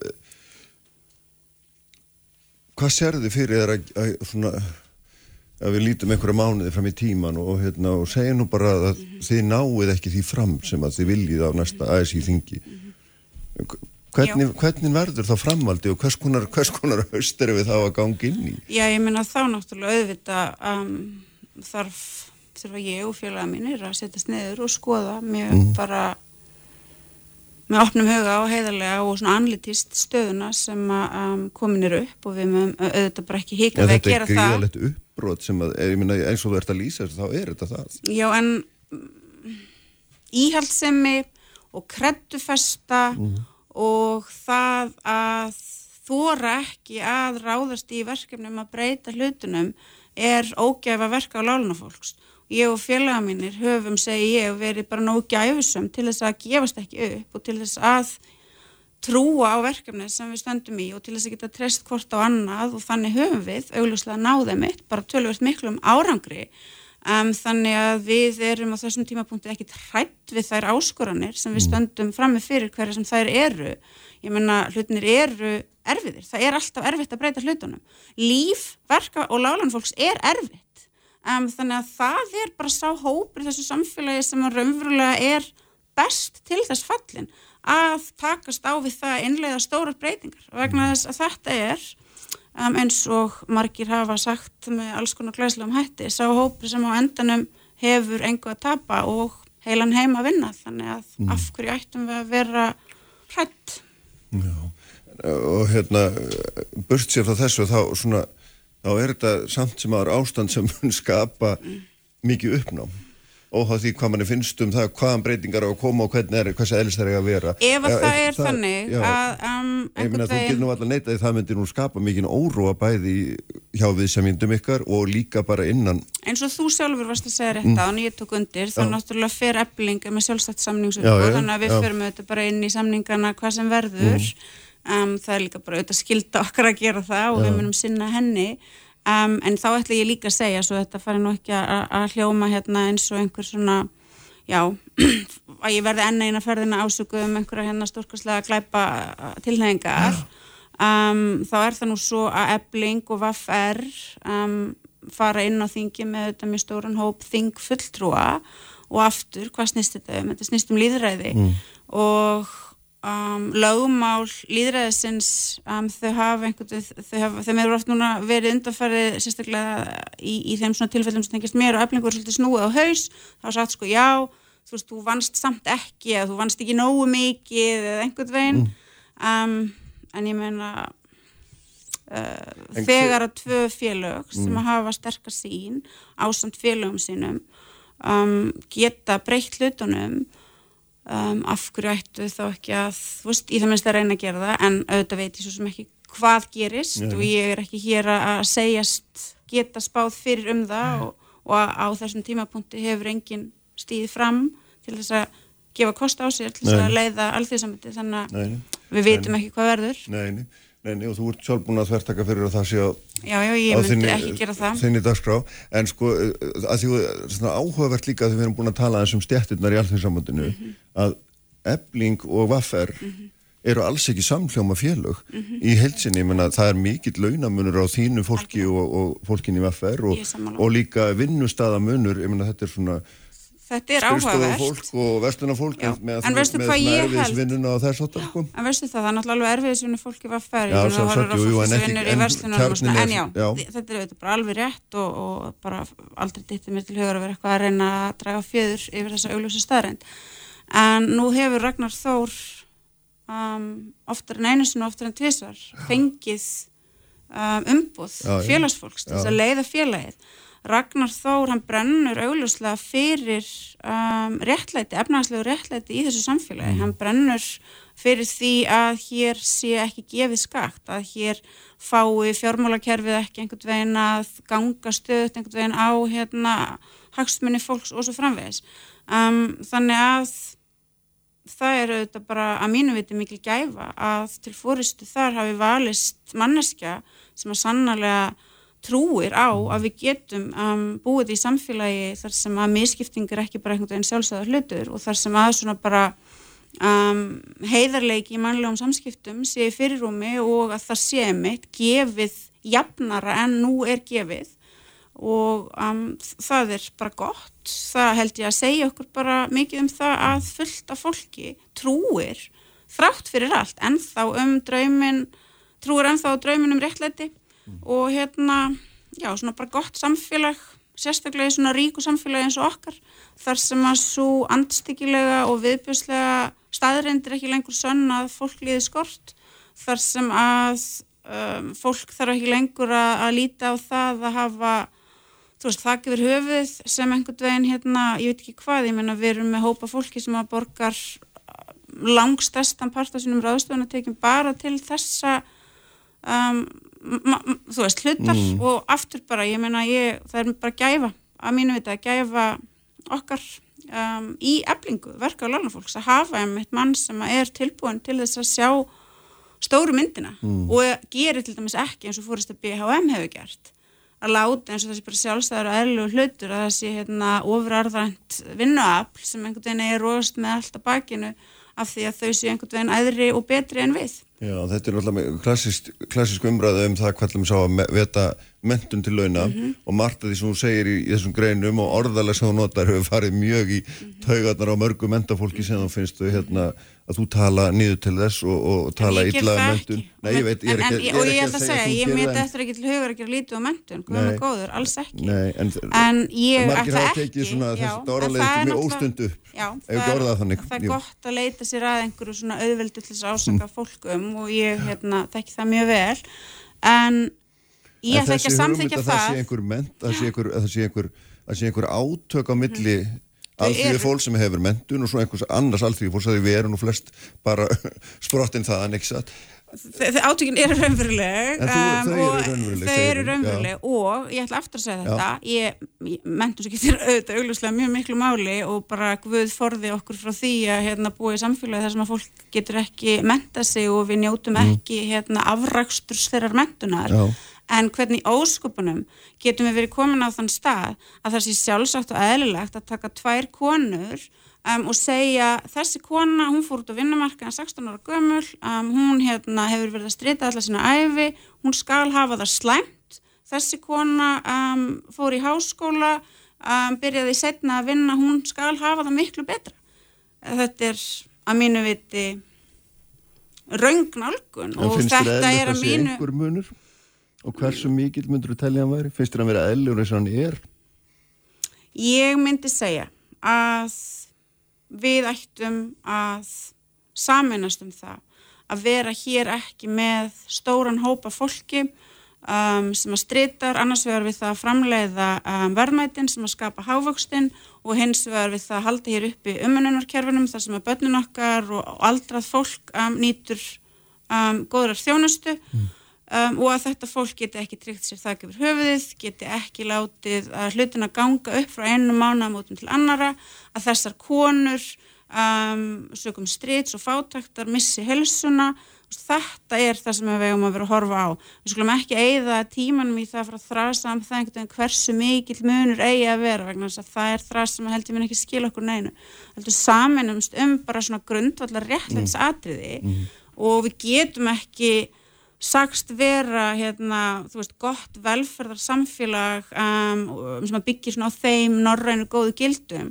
Og svo hins vegar látið það átölu löst og látið eins og það sé ekki vandamál að hópur fólk sér striti alla sína æfi en egnist samt aldrei neitt fari um, inn í ellina með enn min, minna með handana að það hafiði með að það vann um, hafi kannski ekki einu sinni náð að egnast sitt eigið húsnæði ekki, ekki, látum þetta ekki viðgangast. Svo ef við náum þörfum á árangri þarna, mm -hmm. þá getum við kannski á einhverjum síðari tímapunkti farið að frasa um hluti eins og það hversu mikill munur sé ásættanlegur. Já, en þú veist jáfnvel og ég að byðlundin er ekki Þú getur haft bylundir en ég, þessi félagar sem við erum að tala, um, þeir eru ekki með hana. Meinur þú þá hinn er háskólamættu? Já, já. Já, ég menna þeir bara velja sér það sem þeir vilja mm. leggja áherslu á í sinni hérna svona retorík já. og ég og félaga mínir veljum okkur þar sem við leggjum áherslu á.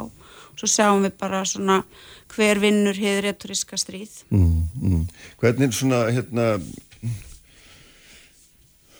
þú hefur líka mikið talað um allatíð frá því að byrjaður og konstaður fram á sviði talaðan um verkvæð sem sko alveru vopn og -hmm. þér fannst það að vera sljótt og, og lítið notað og allt þess áttar og, hérna, og það er laugt að kemur fram að þessum greinu líka hérna, áherslu á að það sé alltaf fyrir hendi. Uh, Það verður að vera. Já og, og þarna núna erum við að fara inn í svona uh, ástand þar sem auðvitað satt að margir sé að vara við því að og þarna ég veit að þú gefur ekki mikið fyrir þar viðaranir en hérna að menn sé að spenna bóðan á hátt og við heyrum þetta úr öllum áttum þessi venjulega kór sem að þið myndu kalla sælabankanum og stjórnmálunum og atvinnureikundum og allir þessu liði. Og, hva, og svo hérna svo Já. Svo kemur stál í stál. Já, ég, ég, ég tólka segja... það þannig að þú ætlir að sækja umtalsvara kjarabætur þrátt fyrir þetta. Ég, ég myndi segja að á þessum tímapunkti, við erum kannski núna fjallum tvenn, það er annars að það já, að ég menna ætli verklisrefingin sér að geta verið svona útrúverðu í því að hún getur ekki slægin þá augljóslega þarf hún að kunna beita verkfallsvapninu. Um, og svo varðandi þessa, þennan kór, ekkert svigrum kórin, mm -hmm Um, hann auðvitað kemur alltaf fram og Viljón Birgisson hefur nú hérna farið svona yfir það með sínum góða og skjölega og upplýsandi hætti. Um, ég verð að segja að svona á þessum tímpunkt þá finnst mér þetta eiginlega kannski eins svona ósfífið og hægt er að hugsa sér. Við erum nýkomin undan þessum heimsfaraldri hverjir þurftu að taka á sig byrðarnar hér á þessu landi. Það var auðvitað verka lálunafólki sem misti vinnuna og þurftu að komast af á um, smánalega lágum aðvunleysisbótum og hver sá sem hefur prófað að vera á þeim. Um, þetta er ógæfa sem ég og, og fjölskylda mín eruðum fyrir í kjálfar hrunsins. Þú, þú ert með halan og eftir þig lengi vegna þess að að það vita það allir að þú reykur ekki hérna, heimilu og fjölskyldu með aðvunleysisbótum. Um, og svo eru það um, mestmagnis konurnar okkar í umvinnunastörfunum sem að gáttu aldrei unnið heima sem að mættu í vinnuna, tóka móti börnunum annaðist aldraða fólkið og lögður um verulega helsu sína í hætt okkur með einsta degi. Þetta eru mannskjur sem að fengu ekki eina krónu í álagsgræslu þrátt fyrir að standa þessa vakt sem að samfélagið saminnaðist einhvern veginn um að erði að standa og eru auðvitað satt að þurfti að standa hana. Um, á sama tíma og þessar manneskjur tóku á sig alla þessa ábyrð og alla þessa byrðar þá var stöndug millistjætt og svo auðvitað yfirstjættin um, að fara inn í ástand sem að leiti að sér einhvern veginn niðurstöðu sem er svo að þau hafa bara aldrei haft að betra. Um, að nú stýi fram fórsettisráð þeirra og aðrir og segi öll þurfa að sína hófsamt eftir að augljóslega þau sem aldrei þurfa að sína hófsamt hafa enn minna síntana núna en áður um, en, en að þau sem að hafa já, bara farið í gegnum mjög bara svona traumatíska hérna, upplifun mm. í þessum faraldri með, með bara erfileikana hangandi yfir sér hverju einasta fóts bara þau eigi líka að axla þessa byrði, taka þessa ábyrð mér finnst þetta bara ég verður að segja, ég ætla að segja þetta mér finnst mm. þetta siðlust Mér finnst þetta til margs um, um einhvers konar fyrringu og tengslaleysi sem ég bara get ekki viðkænt. Mm. Um, Þannig að krafan um hófsend er að þínum að þetta er siðlös? Í þessu ástæði sem já, nú já, ríkir, þá já. finnst mér það já, að segja við verkaðaláluna fólk. Mm. Sem að hefur til dæmis ofan á allt þetta sem ég hef hér farið yfir séð húsnæðisverð hækka um, frá undirritan lífskjærasamning sem meir en 60% sem að býra á leigumarkaði sem þrátt fyrir lofvorð sem okkur voru gefin við undirritan lífskjærasamningsins um að leigu þak er það sett á hefur sannarlega ekki fengið það lofvorð uppfyllt heldur býrið mitt í ástandi þar sem að á rétt rúmu ári mán, mánaðarlegan hefur hækkað um 50.000 hjá konu sem á ekki náttúrulega skapaðan hlut, mm. þetta er mhm. bara raunverulegt dæmi um, að þetta fólk er núna að segja já, ég, ég ætla að vera svo hófstild að því ég trúi á einmitt henn útópíska stöðuleika sem að hlýtur að koma einhver tíman en hann kemur bara ef ég fyrir aftur aftast í raðina guð mig góður, hvað eru að segja við fullorðið fólk, ekki sína sjálfsverðingu ekki segja þú sért mikilvægt þó þú sért ómissandi, farðu bara aftur út í hotn og verður þar og, og við viljum ekki segja þú tröflar okkur. Mm. mér finnst þetta, já, þetta sé löst og ég geti aflust bara að nota mér þess að harðari orð en það Herðum, það er hérna verður ónættilega sem að grípi nú í klísu fráðilegt að fylgjast með hérna, þessu framaldi, ég held að það sé nú algjörlega óumdelt, en takk einlega fyrir að koma. Kæra þakkir Takk. og hérna Björn Levi og Njált Trausti þeir eru hérna hjá mér eftir ögnablik Kraftmikil umræða alla sunnudasmórna Sprengisandur á bylgjunni. Uppspretta frétta á Sprengisandi á bylgjunni. Sælistendur uh, Solveig Anna Jónsdóttir fann frá mér hér eftir yfirferð um hana mikla greinaflokk sem hún skrifaði á vefsíðu Kjarnans um átökin eða öllu heldur um kreppuna í verkefliðshefingunni eins og yfirskriftin var. Ég ætla að tala hér um mál sem við erum búið að tala um oft sinnus áður sem er staðsning Reykjavíkuflugvallar eða innanlandsflugsins held ég. Þessi betra orðaða, Njálf Trausti Fribertsson eh, aldingismæður er í símanum og Björn Levi Gunnarsson er hérna hjá mér líka aldingismæður, sælur báðir og velblæsaður vel, velkomnir í þáttinn.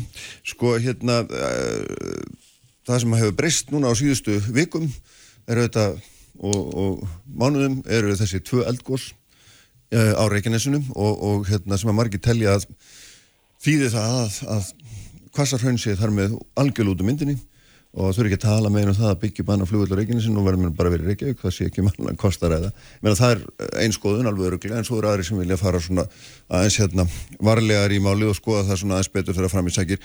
Hérna við höfum ekki drosa langan tíma en ég aldrei hva, hver, hver finnst þér staðan hafa breyst mikið með þessu? Já, skilst? kannski er svona Já, við höfum það breyst náttúrulega mikið með þessum uh, elgósum og þessum svo kvöldu fagradalsfjáls eld, uh, uh, eldum en svo er það náttúrulega áhverð líka núna í vikunni þegar Æslandar kemur það að, að þeir stiðja bara vassmýrina og, mm. og, og eru hætti með þennan áhuga á kassarænu sem að þeir náttúrulega höfðu um hennan stóra allþjóðaflugut sem þessi taka við að kemja og voru frumkvölar á þeirri hugmyndur þegar? Já, voru frumkvölar á þeirri hugmynd og þannig fór það mál alltaf stað. Þannig að, að, að, að svona uh, leikundur í, í þessu máli þeir, þeir, svona, þeir tala núna í alltaf átteldur með kvassarunni en þetta er mjög áhugavert það sem kom fram með kastlásinu þarna á þriðutaskvöldið þegar að eld, eða Þorvaldur Þorvarsson elfjallafræðingur var í viðtali þar og var með miklu efasendir um, um, um kvassarunni Já, hérna Björnlegi, þú horfir aðeins öðruvís á þetta og hefur verið að velta þessu fyrir þér.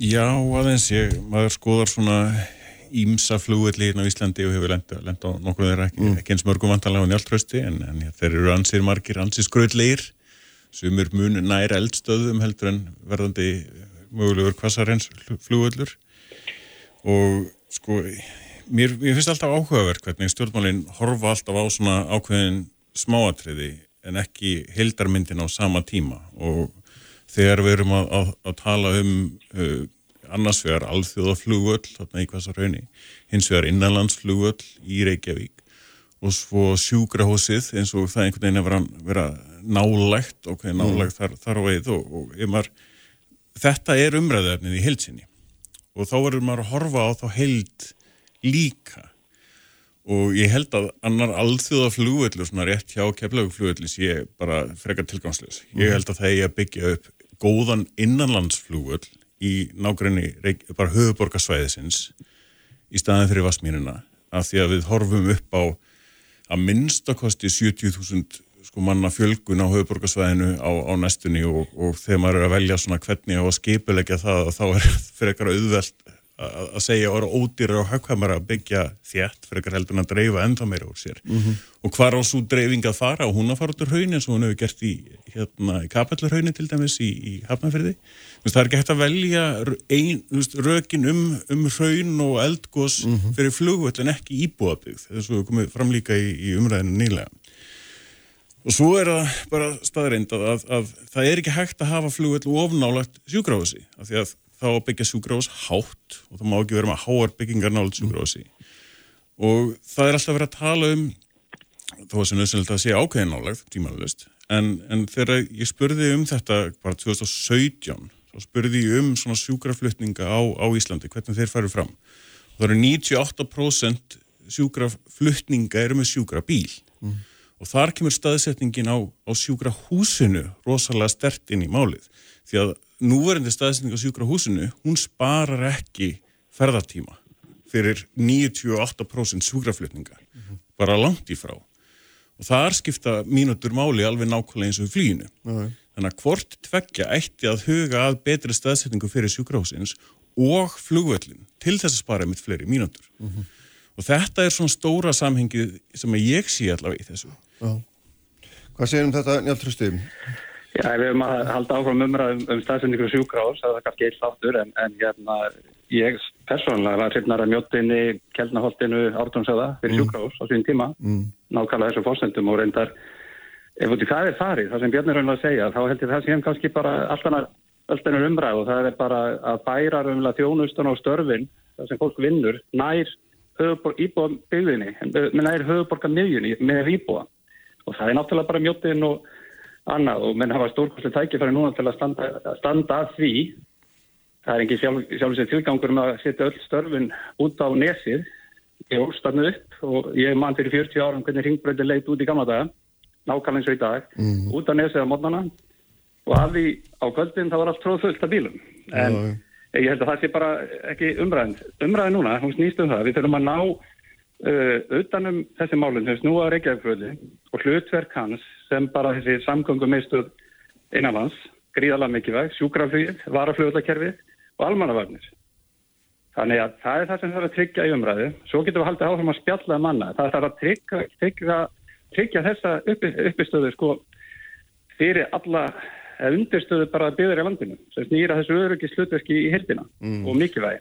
Þannig að svo getum við verið að snúa umræðinu út í eitthvað annað til þess umræðu um þetta eða eitthvað annað. Já. Uh, Eða fjölgar um 70.000 manns á, á höfbruksvæðinu á næsta áratugum, segjum það kannski og uh, nú komur tölur í vikunni 20.000 manns í Vasmirina það er þá eitt þriðja því það þarf að finna einhver, eh, finna henni farfið einhvers annar stað líka Já, já. og þá hlýtur Björn Levi að vera þá mikil eh, að tala fyrir sundabrautinni. Þannig að auðvitað það langa eðlilegasta leiðin til að byggja höfbruksvæðinu en það held ég að vantala þessar hugmyndir hérna áður fyrir um að byggja hraunir á milli Reykjanesbæjar og, og Hafnarferðar það er svona megin byggðin það lítur að vera þá eh, ekki lengur til staðar svo hugmyndafræði. En ég held að sundabrautin eh, hafi miklu meira um að gera hvernig framtíðar uppbygging á, á höfbruksvæðinu gengur fyrir sig heldur Reykjavík Svo ég get alveg verið alveg, alveg bara fullkomlega sammála þessari sko hérna þessari sín að því að það þarf tímanlust að hugsa um varaflugullina og, og, og almanna ör, öryggi og, og þess, þess áttar en það að setja stórun alþjóðaflugull í hvassarhauðni til dæmis held ég að sé ekki, ekki snið, það var miklu snið- sniður að setja á Suðurland og rauninni eigilstæði líka til dæmis. Akkur er flókið hvað það var þar, pláss og, og, og ímislegt annað. Og það er svona í heildina á litið uh, eitthvað sem við, við þurfum að skoða. Þegar við erum að byggja flugvöld og svona stóra, rauninni, stóra innviði þá erum við að horfa til næstu 50 til 100 ára. Og þess vegna horfum við á hversu mikið að fólki kemur líklega til með að búa hérna á höfbrókasvæðinu eftir til dæmis 50 ár. Uh, núna erum við sko er ekki gamlar svona, svona tölur. 2014 voru samtök sveitafélag á höfbrókasvæðinu með svona útreikninga um það hversu margir við myndum búa hérna. Bara á næstu fáum áratugum við erum, við erum komin fram úr þeim pæli, þessi, hérna, pælingum. Þannig að við verum að tala, um- meira heldur en 70%, eða 70.000 manna fjölgun. Og ég myndi vilja horfa á og segja hvernig lítur höfuborgarsvæðið út með 500.000 manns, með miljón, hvernig lítur Ísland út, hvernig lítur byggð á Íslandi út með 500.000 og miljón og þess aftar.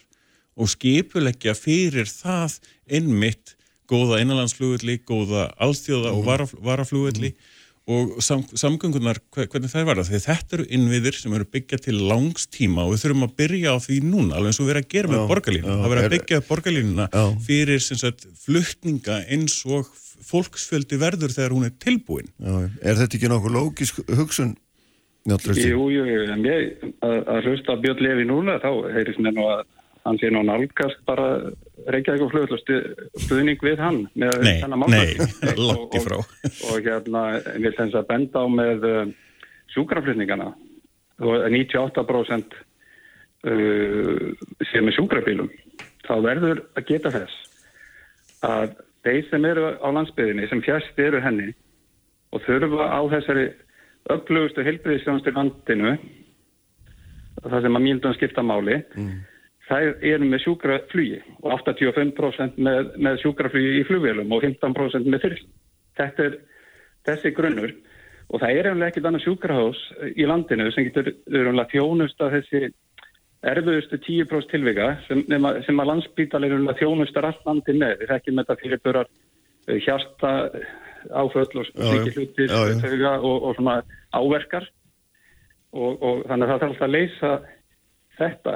En, en eins og kemur fram og, og Linda Gunnarsdóttir yfirflugstjóri Æslandi er benti á í vikunni að þá klónust þar nú er þetta Reykjavík bara flýjunu gríðala vel en það sem hún afturlega tala um og, og bóið Nils fórstjóri Æslandi er að það verður að vera fyrirsjáleik í þessu og með verður að geta hort á þessa hluti til lengri tíma.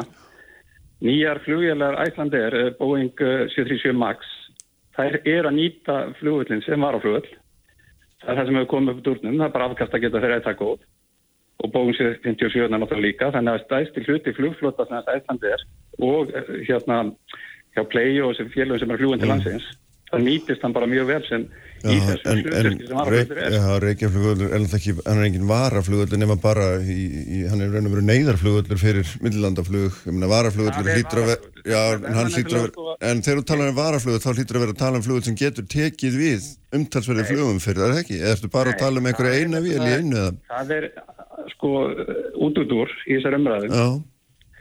þú byggir ekki varaflugöld á Íslandi sem getur sendt keflaði ykkur flugli bara að hann lokast eitt fyrir að þrjúrútakum ástæðum að, að fullu og það getur bara hann tekið við öllu flugi keflaði ykkur flugli Ég vonu heldur ekki að halda því fram sko. Nei en það er, endar, hefur haldið fram af, af, af eins og í borgariföld og meira hlutin þar hefur mm. komið fram með. Og það er náttúrulega mikill útúrsnúningi um hlutverk varaflugöldla ég held að það væri kannski bara mjög frólægt að, að að það þarf kannski að kynna þetta betur fyrir já, mörgum hvað það týðir sem hvað varaflöður týðir í flugi. Og, og, og hérna það að verið miklu útúrsnúningar gagvað tí sko. Mm. Nú, Núna er fyrirkomulega þannig að, að, að flugvilar sem eru að koma hérna eru með nægt vara eldstættir til þess að geta farið til Breitlands þannig að það er, það er, unni, sko, það, það er, er mikil kostnæður þar og sérstaklega lof, lofslagskostnæður Sagt, uh, þegar við pælum, pælum aðeins í neðafluginu að, að sagt, uh, þetta var hluti af svarunum sem ég fekk í fyrirspöldmenni að, að það eru um það beil 111 mínútur sem tekur uh, að fara með sjúkraflugi að meðaltali. Og það skiptist á þann hátt að 55 mínútur af því eru rauninni fluttningur frá viðfangsstað í rauninni að flugvel. Það eru 42 mínútur, eða 41 mínúta í flugvel mm -hmm og það eru 15 mínútur frá síðan flugvel að sjúkrási og allavega mín orðræða hefur verið svo að, að mér finnst óþægilegt að það sé rinni einn flöskuháls í þessu kerfi að það sé höfuborgarsveið. Ég myndi vilja hafa að það væri alveg bráðþjónusta á fleiri stöðum líka til þess að komi vekk fyrir þann flöskuháls í þeim tilvikum með þar sem að e, Suðvesturhortnið er bara óaðgengilegt þegar ef, ef það er aðstöðar koma upp þá væri líklegra að það sé, væri þá eitthvað aðgengilegt fyrir, fyrir norðvestan á sama tíma. Og, og þetta er sem sagt á heilbreyðisumræðan sem við erum búin að tala um hvernig heilbreyðiskerfið hefur verið sveltdaldið og ekki gert til þess að dekka heildar sem sagt þjónustutörf. En, eh, það er koma að svara þessu, þetta er svolítið mikilvæga punktur. Og um grunn þjónustu í landinu, þegar ég er að tala um 10% landsbítal með þetta raunverulega neyða sjúkrafs fyrir all landi, taka erfistu tilvikin. Þar erum við kannski átt með þjónustu þar sem er verið að bara halda fólki í þjálfun og, og slíku með jafnvel aðger ekki nægilega margar og það er fólki fyrir út að vinna einhver tíma ásins jafnvel til að halda sér þjálfun. Þetta er mjög flókið og ég veist að það væri bara fróðlegt. Ég hvert uh, Björn Levi, ég skal vera með honum að kemja skýrslubeinu um það að þetta er í skoða. Hvað myndir hlans kosta að byggja upp uh, sjúkarásakurinn eða mætti? Það getur tekið við allir þeirri þjónustu sem landsbytarna sinni í dag. Ég myndi gíska á svona fyrirbræði, þetta getur verið 8-10 miljardar sem það myndi kosta. Fyrir þetta mm. það er síðan kannski að halda fólkinni í þjálfun til að sinna þeim verkum og þú myndi þá, e, það er ísamál. E, Sjúkarásakur er kannski með rekstur í dag upp á 9 miljardar, það myndi bjöfaldast. Allt í góðu. En þá þurfum við að vera með þetta vitrannu nótum sko hvað erum að tala um og hvernig það halda öllu bæður frá fjármagni og síðan fólki í þjálfun. Algjörlega saman á þessu. Ég meina, sko lengst í flutningstími til dæmis var 323 mínútur og það var langur býtíma því að þetta býða eftir því að ástand sjúklings er þið nægilega stöðu til flutnings.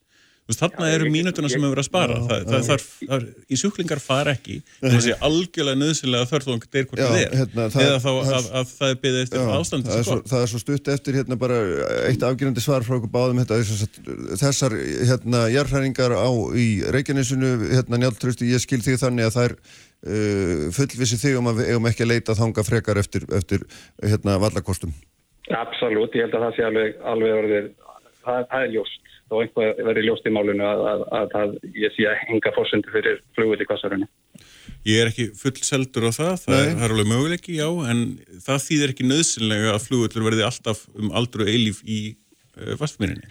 Svo verður það að ræða varaflugvilli betur og og það er, er mjög forðilegt. Ég verður að fara svolítið með rátt, smál þar. Já, já, nefnina, mér finnst það, það, það, er, það er, eins og þú nefnir, það er rugglingur á hugtökum ofta tíðum í þessu, hvað, hérna, hvað hlutverki vara flugvillur þjónar nákvæmlega. Nákvæmlega. Mm. Herðið, takk fyrir að vera með okkur Njálf Trösti og takk fyrir að koma Björn Levi og hérna við, ég hitt ykkur aftur við betra takkifæri og við farum dýbrónið þetta. Takk fyrir. Takk, takk og sprengisendinu loki í dag. Ég var Daví Haldarsson stýriði útsendingunni og hann gerir alltaf, alltaf efnir á vísi.is og bilgjan.is og svo hver veitna það sem þið finnið hlaðvar. Svo verðum við með ykkur hér aftur eftir viku. Verðið sæl.